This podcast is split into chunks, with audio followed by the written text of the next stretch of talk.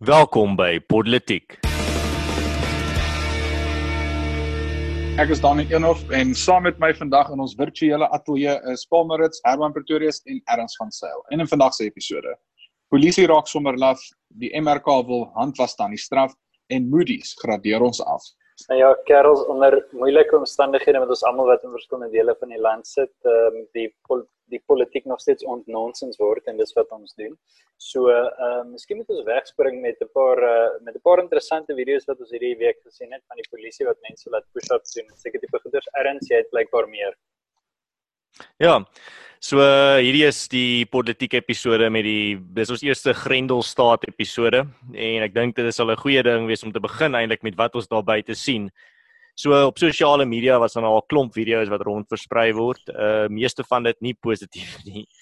Van uh polisie wat eintlik nog 'n paar nogal 'n paar en aardige goed doen, maar ook hulle hulle mag bietjie lyk like my misbruik. Ehm um, daar's van die daar's video's van mense wat geforseer word om uh push-ups te doen en allerlei ander oefeninge te doen uh, as al 'n uh, straf as jy dit so kan noem. Uh daar's video's van polisie wat mense se uh, alkohol stikkend gooi op die grond. Uh daar is 'n uh, klomp video's van ek dink daar was nie 'n video nie maar 'n foto van 'n uh, klomp branderplankryers wat daar iewers in die Wes-Kaap uh, in 'n polisie bakkie ingelaai word. So uh, ons sien baie van hierdie soort beeldmateriaal en of alles nou waar is of nie of uh tans uh gebeur het, weet ons ook nie. Ons wil ek wil nou nie dieselfde fout maak as Nicholas Bauer en maak asof ek weet al hierdie goed het hierdie jaar gebeur nie.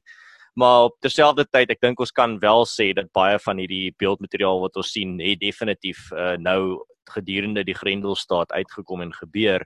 En dit het baie mense aan die praat gekry van selfs ek bedoel baie Suid-Afrikaners ondersteun die Grendelstaat wat ons op die oomblik het maar dan terselfdertyd baie van ons het ook gewaarsku dat dit kan lei tot uh misbruik van mag en uh polisie en weermag op die strate is nie altyd die die beste nie. Siende dat uh, ons weermag veral is nie opgelei om uh om soos crowd control te doen of om regtig met met gewone mense op die straat te werk nie as opgeleide soldate. So jy gaan definitief baie van daai uh daai kant of daai invalshoek sien na vore kom. En dan regtig maar net die die groot ding is maar net is dat ons sien 'n klomp goed wat nou gebeur in terme van mag wat misbruik word, maar goed wat ons al klaar mense gewaarsku het van wat 'n moontlikheid kan wees. En ek weet nie wat uh wie van julle eers wil inspreek so, van uh, iets byna staan. Erns die interessantste ding vir my is dat ons het wel ons weet natuurlik Suid-Afrika se regering is daartoe geneig. Hy sien die idee en die, die rol van homself as regering om soveel mag onder homself te sentreer. So dit weet. Ehm um, die uitdaging nou is dat hulle die die absolute briljante verskoning het om dit te doen. Ewe skielik kan jy nie met hulle stry nie. Hulle kan instap in jou in in 'n groot mate kan hulle jou, jou privaatheid in in tree en baie mense sê maar dit is regverdig. Natuurlik moet hulle Shabinska gaan toemaak en so aan. Maar op watter punt stop jy? O, wanneer het dit reg geword vir polisie om vir iemand te sê om 'n push-up te doen of op die grond rol of wat ook al? Um, die probleem is dit is absoluut hierdie die virus is die beste moontlike verskoning vir 'n polisie mag wat nie hou van inperking nie. Want nou ewe skielik is daai inperking wat hulle op ons gesit het, beteken dat niks eintlik ek weet asof die burger mag baie kleiner geleenthede het om terug te. Ehm um, en en dis nie dis nie 'n nuwe ding in terme van dat dit nou gister of eergister begin gebeur het. Ons het al reeds gesien die dag toe Johan Rupert aangekondig het dat hy 'n miljard rand gaan skenk. Ehm um, dat daar letterlik die dag daarna toe ons ja, maar nou met die 51% van die besigheid in swart eienaarskap wees en sulke goeders. So hulle druk hulle mandaat, hulle politieke mandaat, druk hulle deur uh as gevolg van 'n krisis en dit is eintlik net skandalig. Ja, jy kan nooit dat 'n goeie krisis uh verlore gaan nie, dink ek is die ANC se uh, se sê goed hierdie tyd. Presies. Ek ek ek voel met hierdie kyk, julle weet hoe ek voel oor die algemeen oor die staat en die regering en veral die ANC. Ehm um, ek het ek het nogals erge reaksie gekry toe ek gesê het ons almal is nou so, kom mense is nou so bly en dankbaar oor Cyril wat heel uh, soos 'n staatsman besig is om hierdie ding te hanteer. Ehm um, maar almal vergeet dat dis nog steeds dieselfde ANC en dieselfde regering wat Life is Domini veroorsaak het, wat Marikana veroorsaak het, wat in 3 jaar nie ons uh, kon keer dat ons tot absolute rommelstatus uh verklaar word nie. Ons sal dit ook later bespreek. Ehm um, maar ek ek ek sien ook hierdie video's wat almal sien op sosiale media en die die weermag wat verskriklik optree en die polisie wat verskriklik optree. Ma, maar nou word daai individue se se se se optrede en gedrag toegeskryf aan aan die staat en alhoewel ek dink die staat die die ruimte skep vir dit om te gebeur. En goed wat Becky Cele byvoorbeeld sê dit dit moontlik vir hulle maak en en verstaan dit dit skep hierdie ruimte. Dink ek nie hierdie is noodwendig direkte kwaadwilligheid van die staat wat sê weet jy wat gaan buitentoe laat mense push-ups doen ehm um, raas met mense wanneer hulle in eie tuin sit en braai nie. Hierdie is maar net eh, jy weet die mense is gebroke dis gebroke individue wat rondloop en net nou bietjie mag gekry en hulle is besig om daardie mag te misbruik ehm um, ek ek dink jy mense kan dit direk aan die staat noodwendig ongelukkig direk aan die staat toeskryf nie. Ek, ek dink dis net mense wat wat is soos wat hulle is. Ek moet sê Daniel, ek dink ek gaan met jou hierso verskil.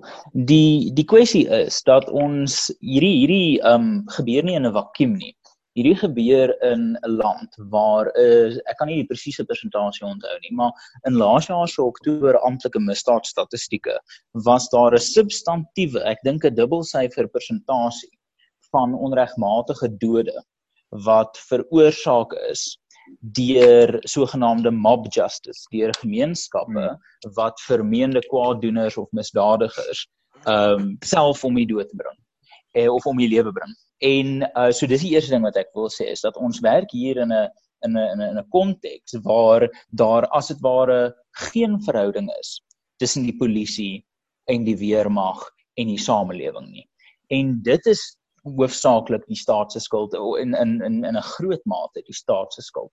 So ons werk hier in 'n land waar daar nie 'n vertrouensverhouding enigsins is tussen burgers en staatlike akteurs soos die polisie nie. Tweedens, sit ons hier met 'n polisie diens wat um ongelooflik sleg opgelei is en ek dink Erns het daarna verwys dat hulle is nie toegerus of opgelei om werklik um hierdie tipe situasie te konfronteer nie.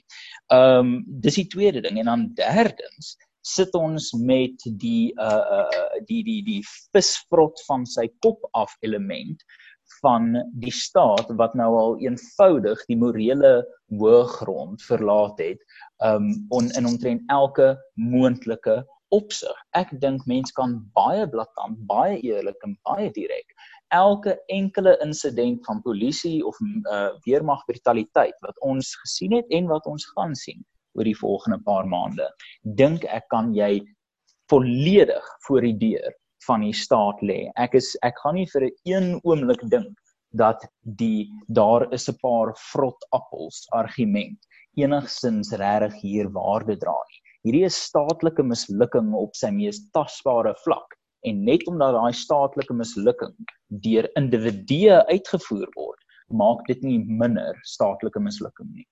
So wat ek eintlik wil in plaas van 'n bydrae wil ek 'n vraag vra. Ek dink ehm um, julle julle werk almal in baie spesifiek gemeenskapsgeoriënteerde instellings. Ek natuurlik ook en ek weet wat ons antwoord op die goed is. Maar wat wat staan die gemeenskap nou te doen? Ek meen moet jy nou in vrees en bewering leef? Moet jy so bang wees die tannie in die Kaap wat gister inkopies gaan koop het en toe gooi almal uit haar woonstel blok uit met vrugte?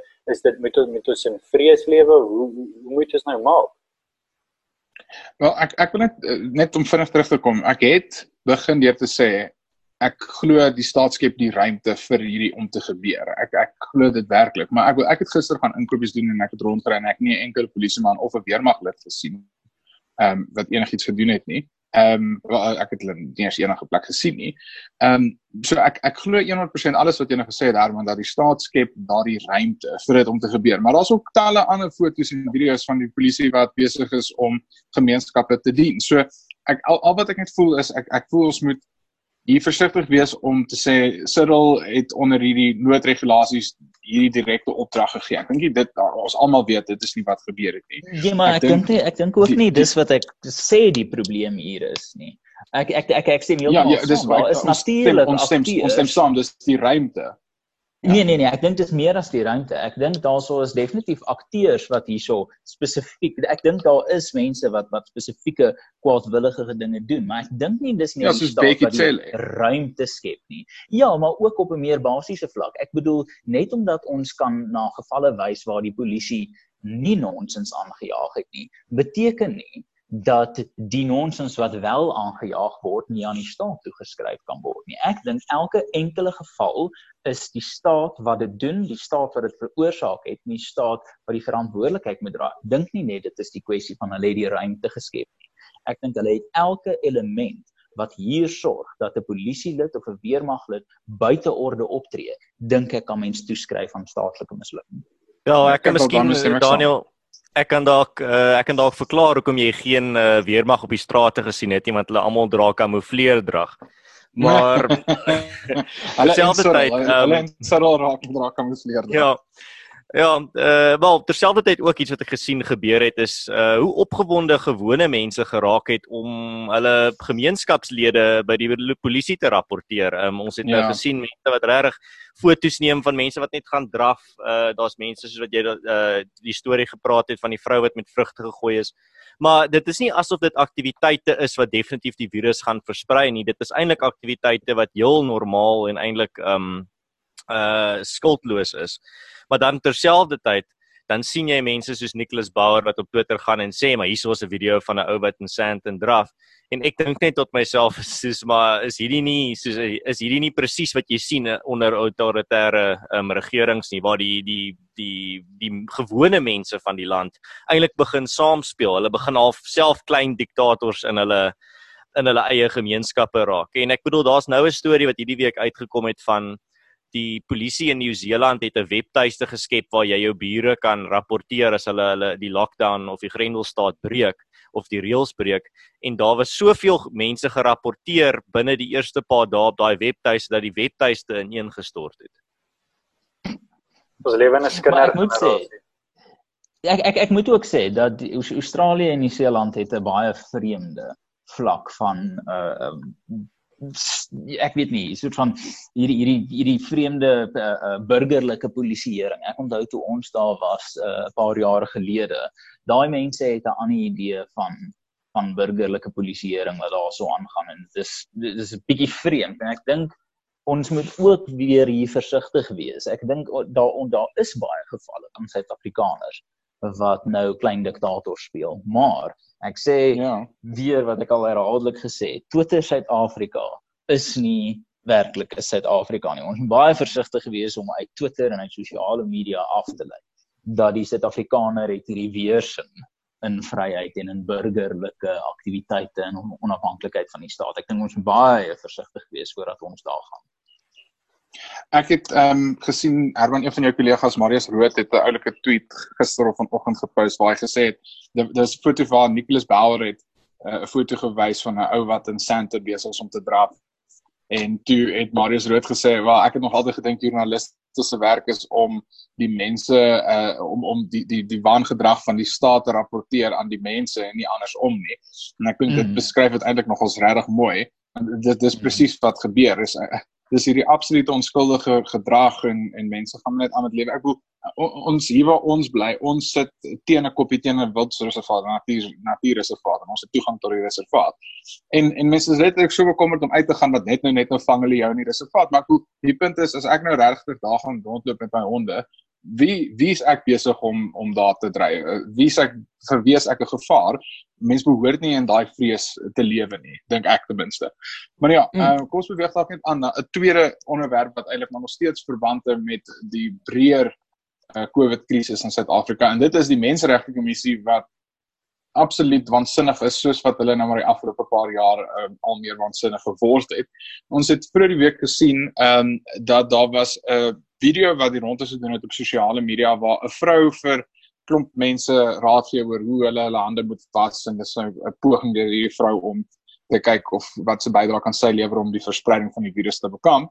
En uh toe het Boang Jones in sy wysheid besny dat die hierdie is 'n ideale geleentheid vir die menseregte kommissie om uh tussen beide te tree want hierdie vrou wat hierdie video geneem het moet 'n les geleer word want sy haar haar houding teenoor die mense dis nou swart mense in haar video is uh, uh so ek dink sy sal sê of uh, Boang Jones glo dit is neerhalend en uh, dit is uh, is 'n wat sou ons sê 'n skending van die mense se reg op waardigheid.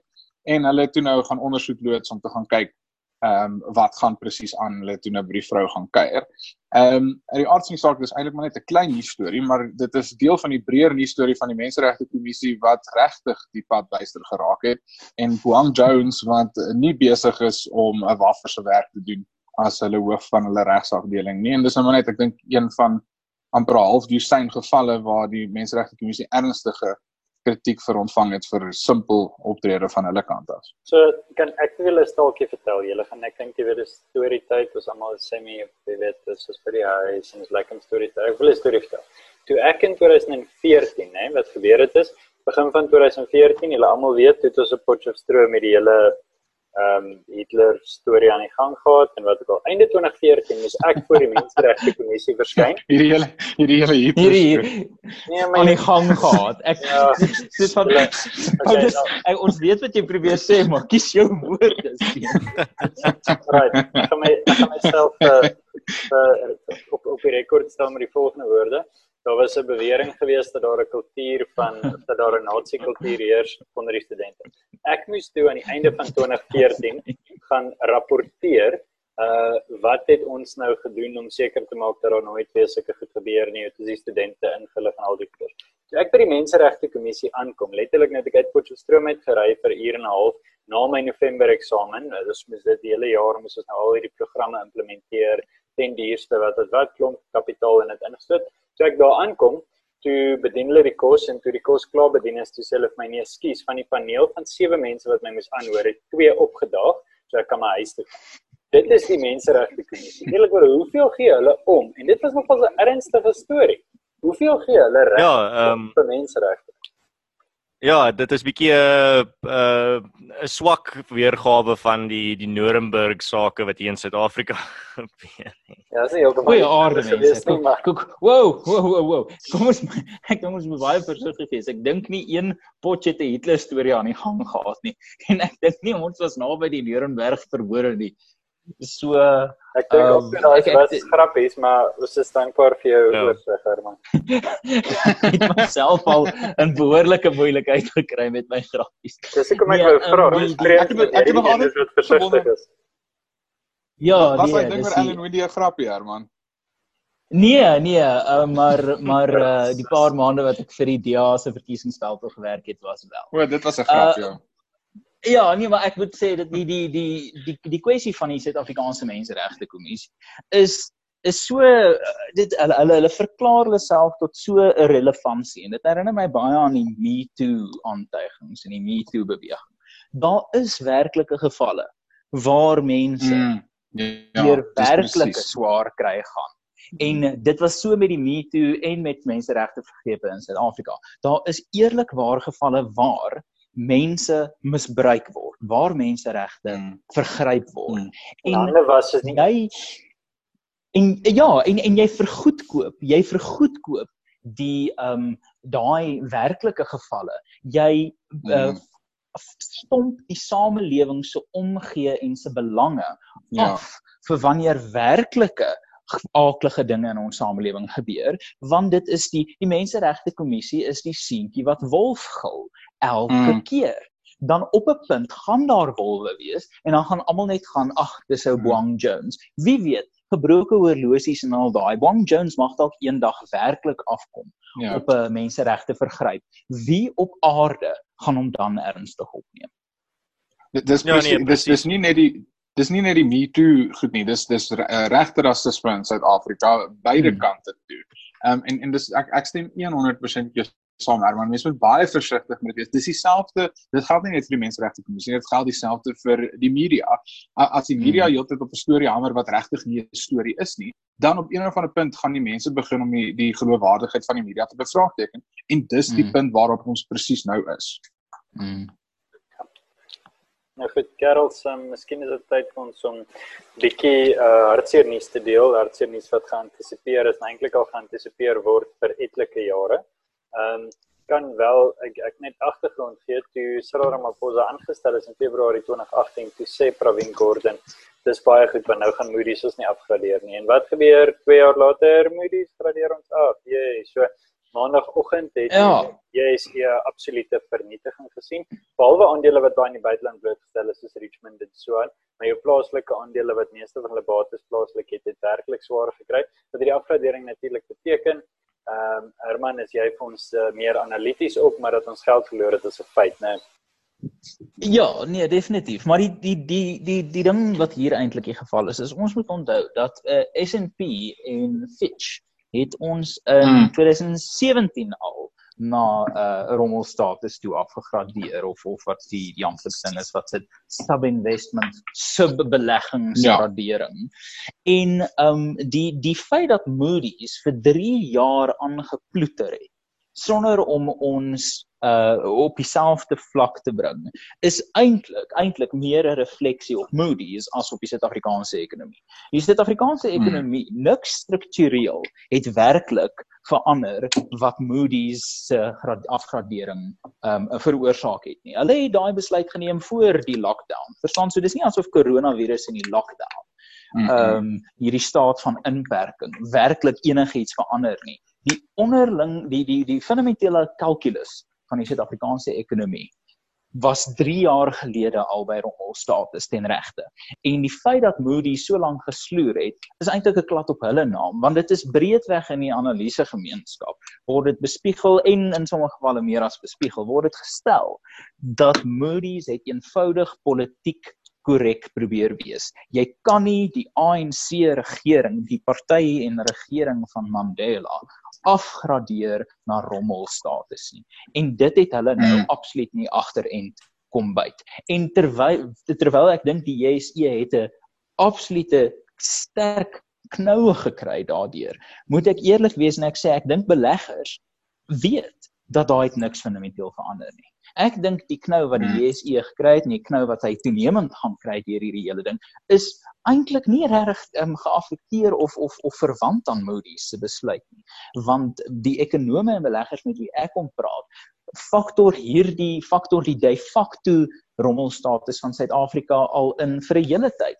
En daar is selfs denke hmm. daar buite wat sê dat rommelstatus dit is 'n goeie ding vir Suid-Afrika want nou ja. is daar uiteindelik sekerheid oor hoe sleg dit gaan. Nou kan mense ja. baie baie goed koop, maar vir baie hoë risiko um in Suid-Afrika belê um en Suid-Afrikaanse effekte aanskaf en deel maak van jou portefeulje.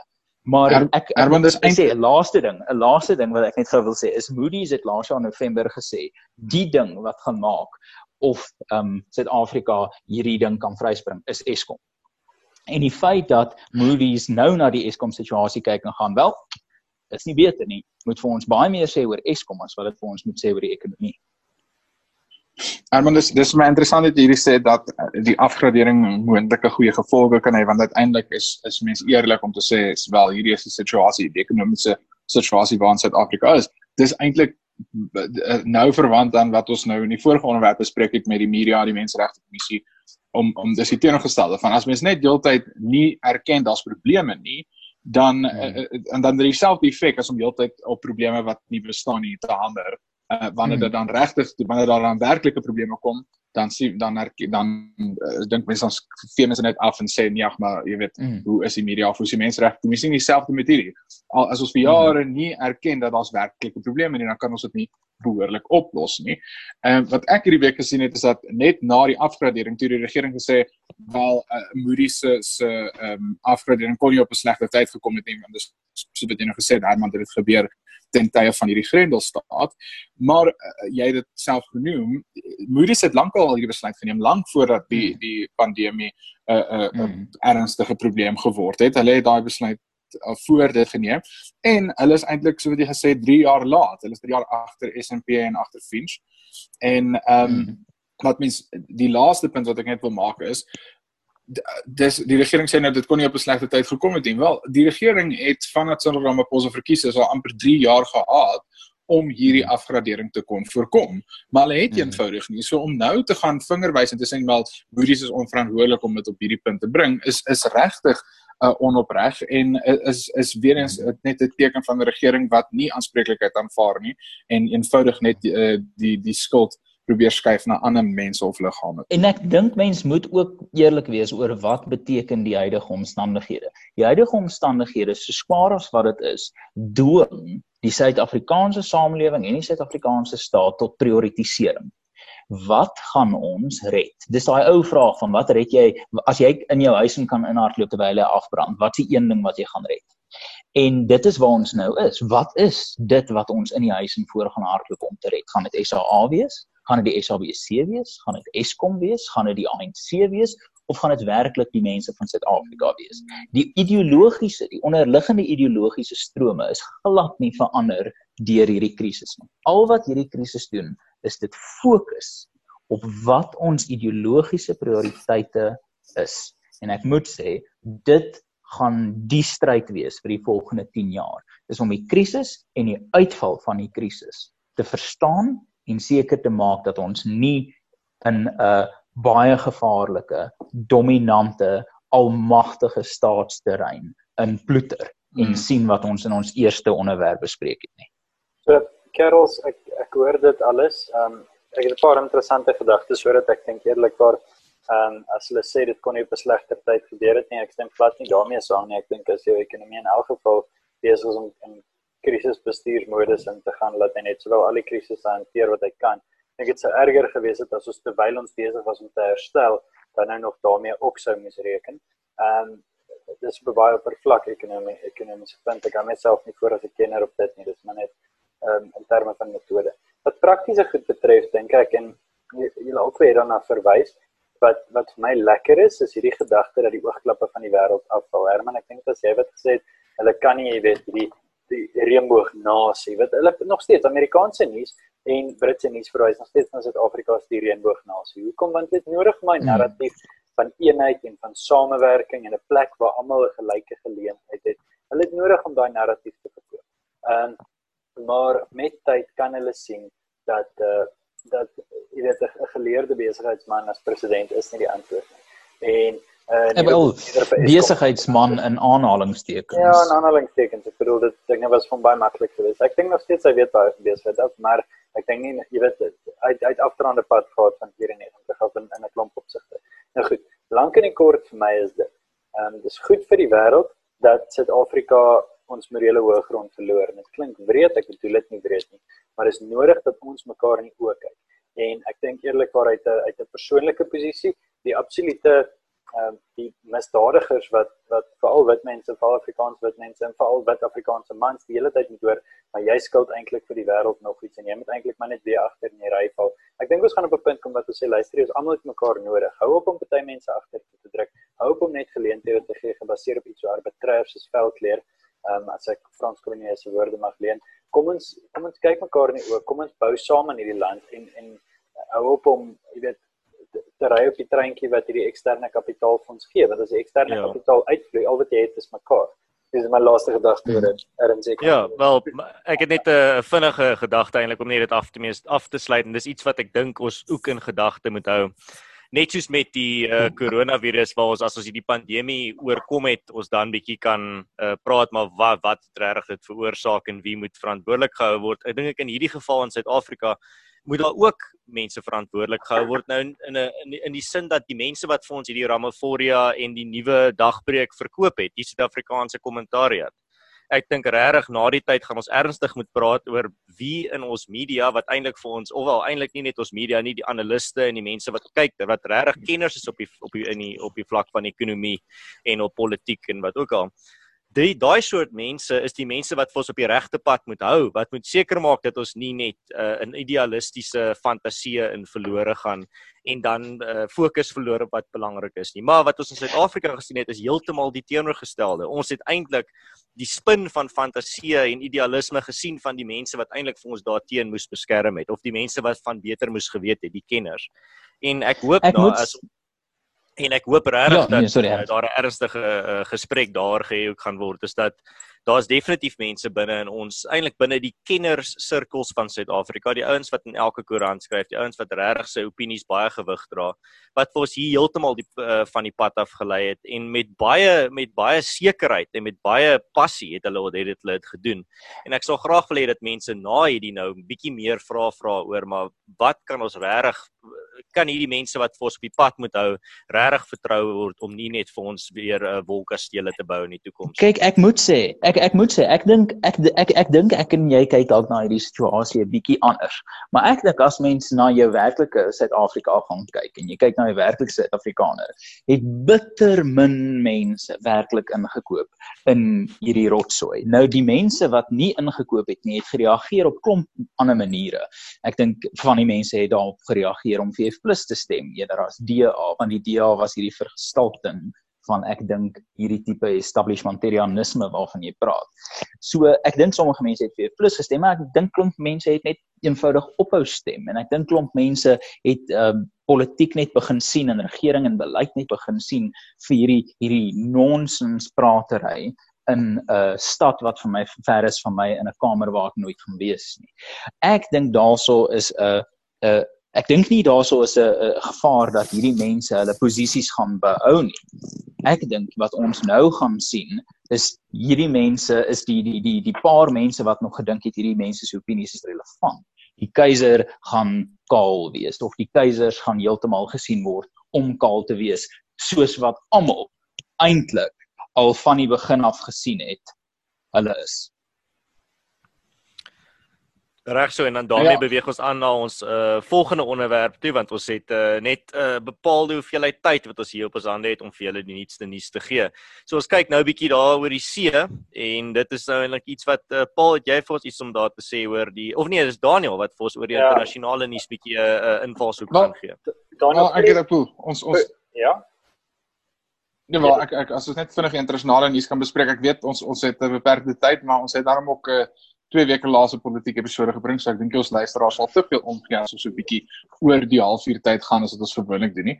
Ehm um, ek het gedink 'n internasionale nuus storie wat bietjie interessant kan wees is as ons dit nie fokus noodwendig op 'n nuus storie nie, maar eerder uh, interessante gesprekke wat ek op uh byvoorbeeld Twitter en Facebook hierdie afgelope paar dae gesien het en spesifiek op YouTube 'n video of twee oor.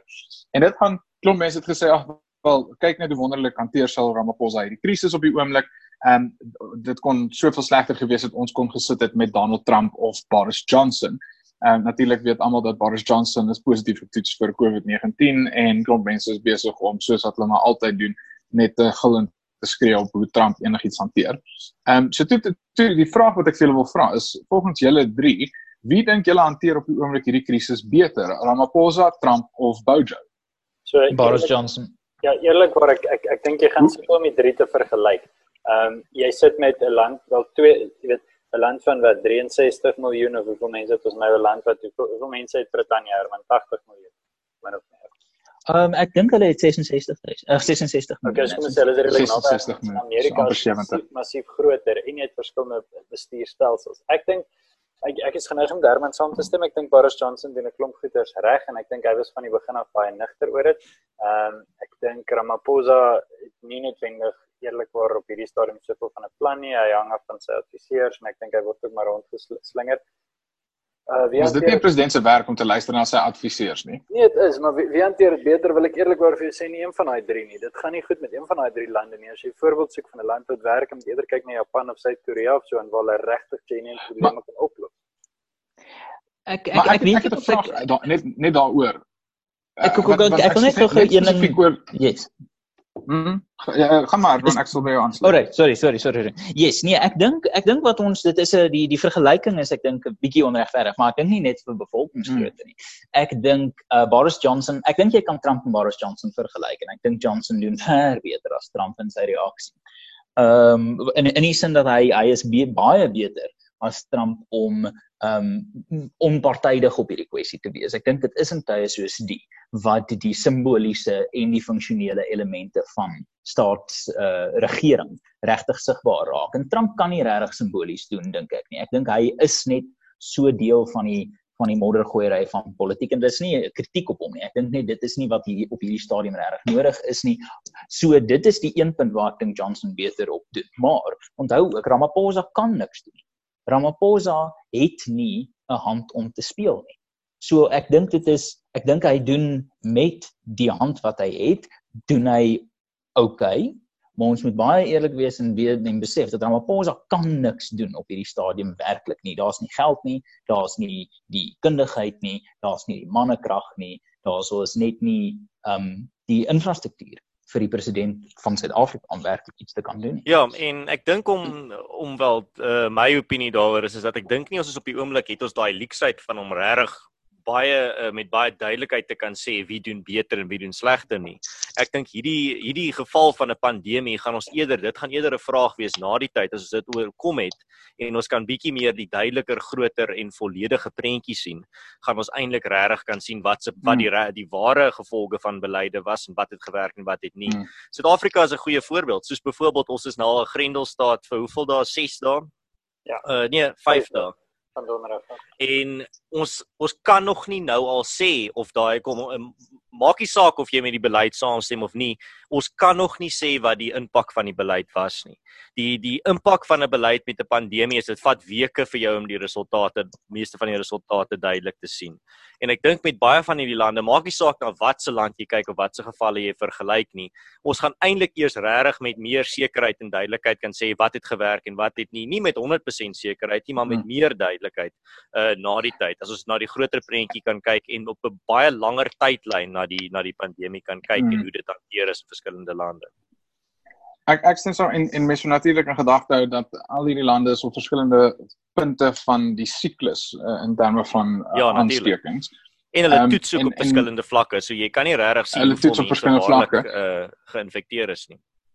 Ja, en en dan natuurlik elke land se staatsbestand is anders. Ek bedoel Amerika sit met 'n enorme probleem want New York staat is besig om 'n absolute ongelooflike slegte werk te doen ja. in die hantering van hierdie virus. En New York State is nie in beheer van Donald Trump ongelukkig nie. Dit hulle sit met hulle eie gouverneur wat uh, regtig volgens my idioot is. Maar in elk geval ehm um, wat wat mense net ook in gedagte moet hou is Amerika het in terme van as mens net na die getalle kyk verskriklik baie getalle. Maar as mens per capita gaan kyk per miljoen mense ja. is Amerika laag op die lys.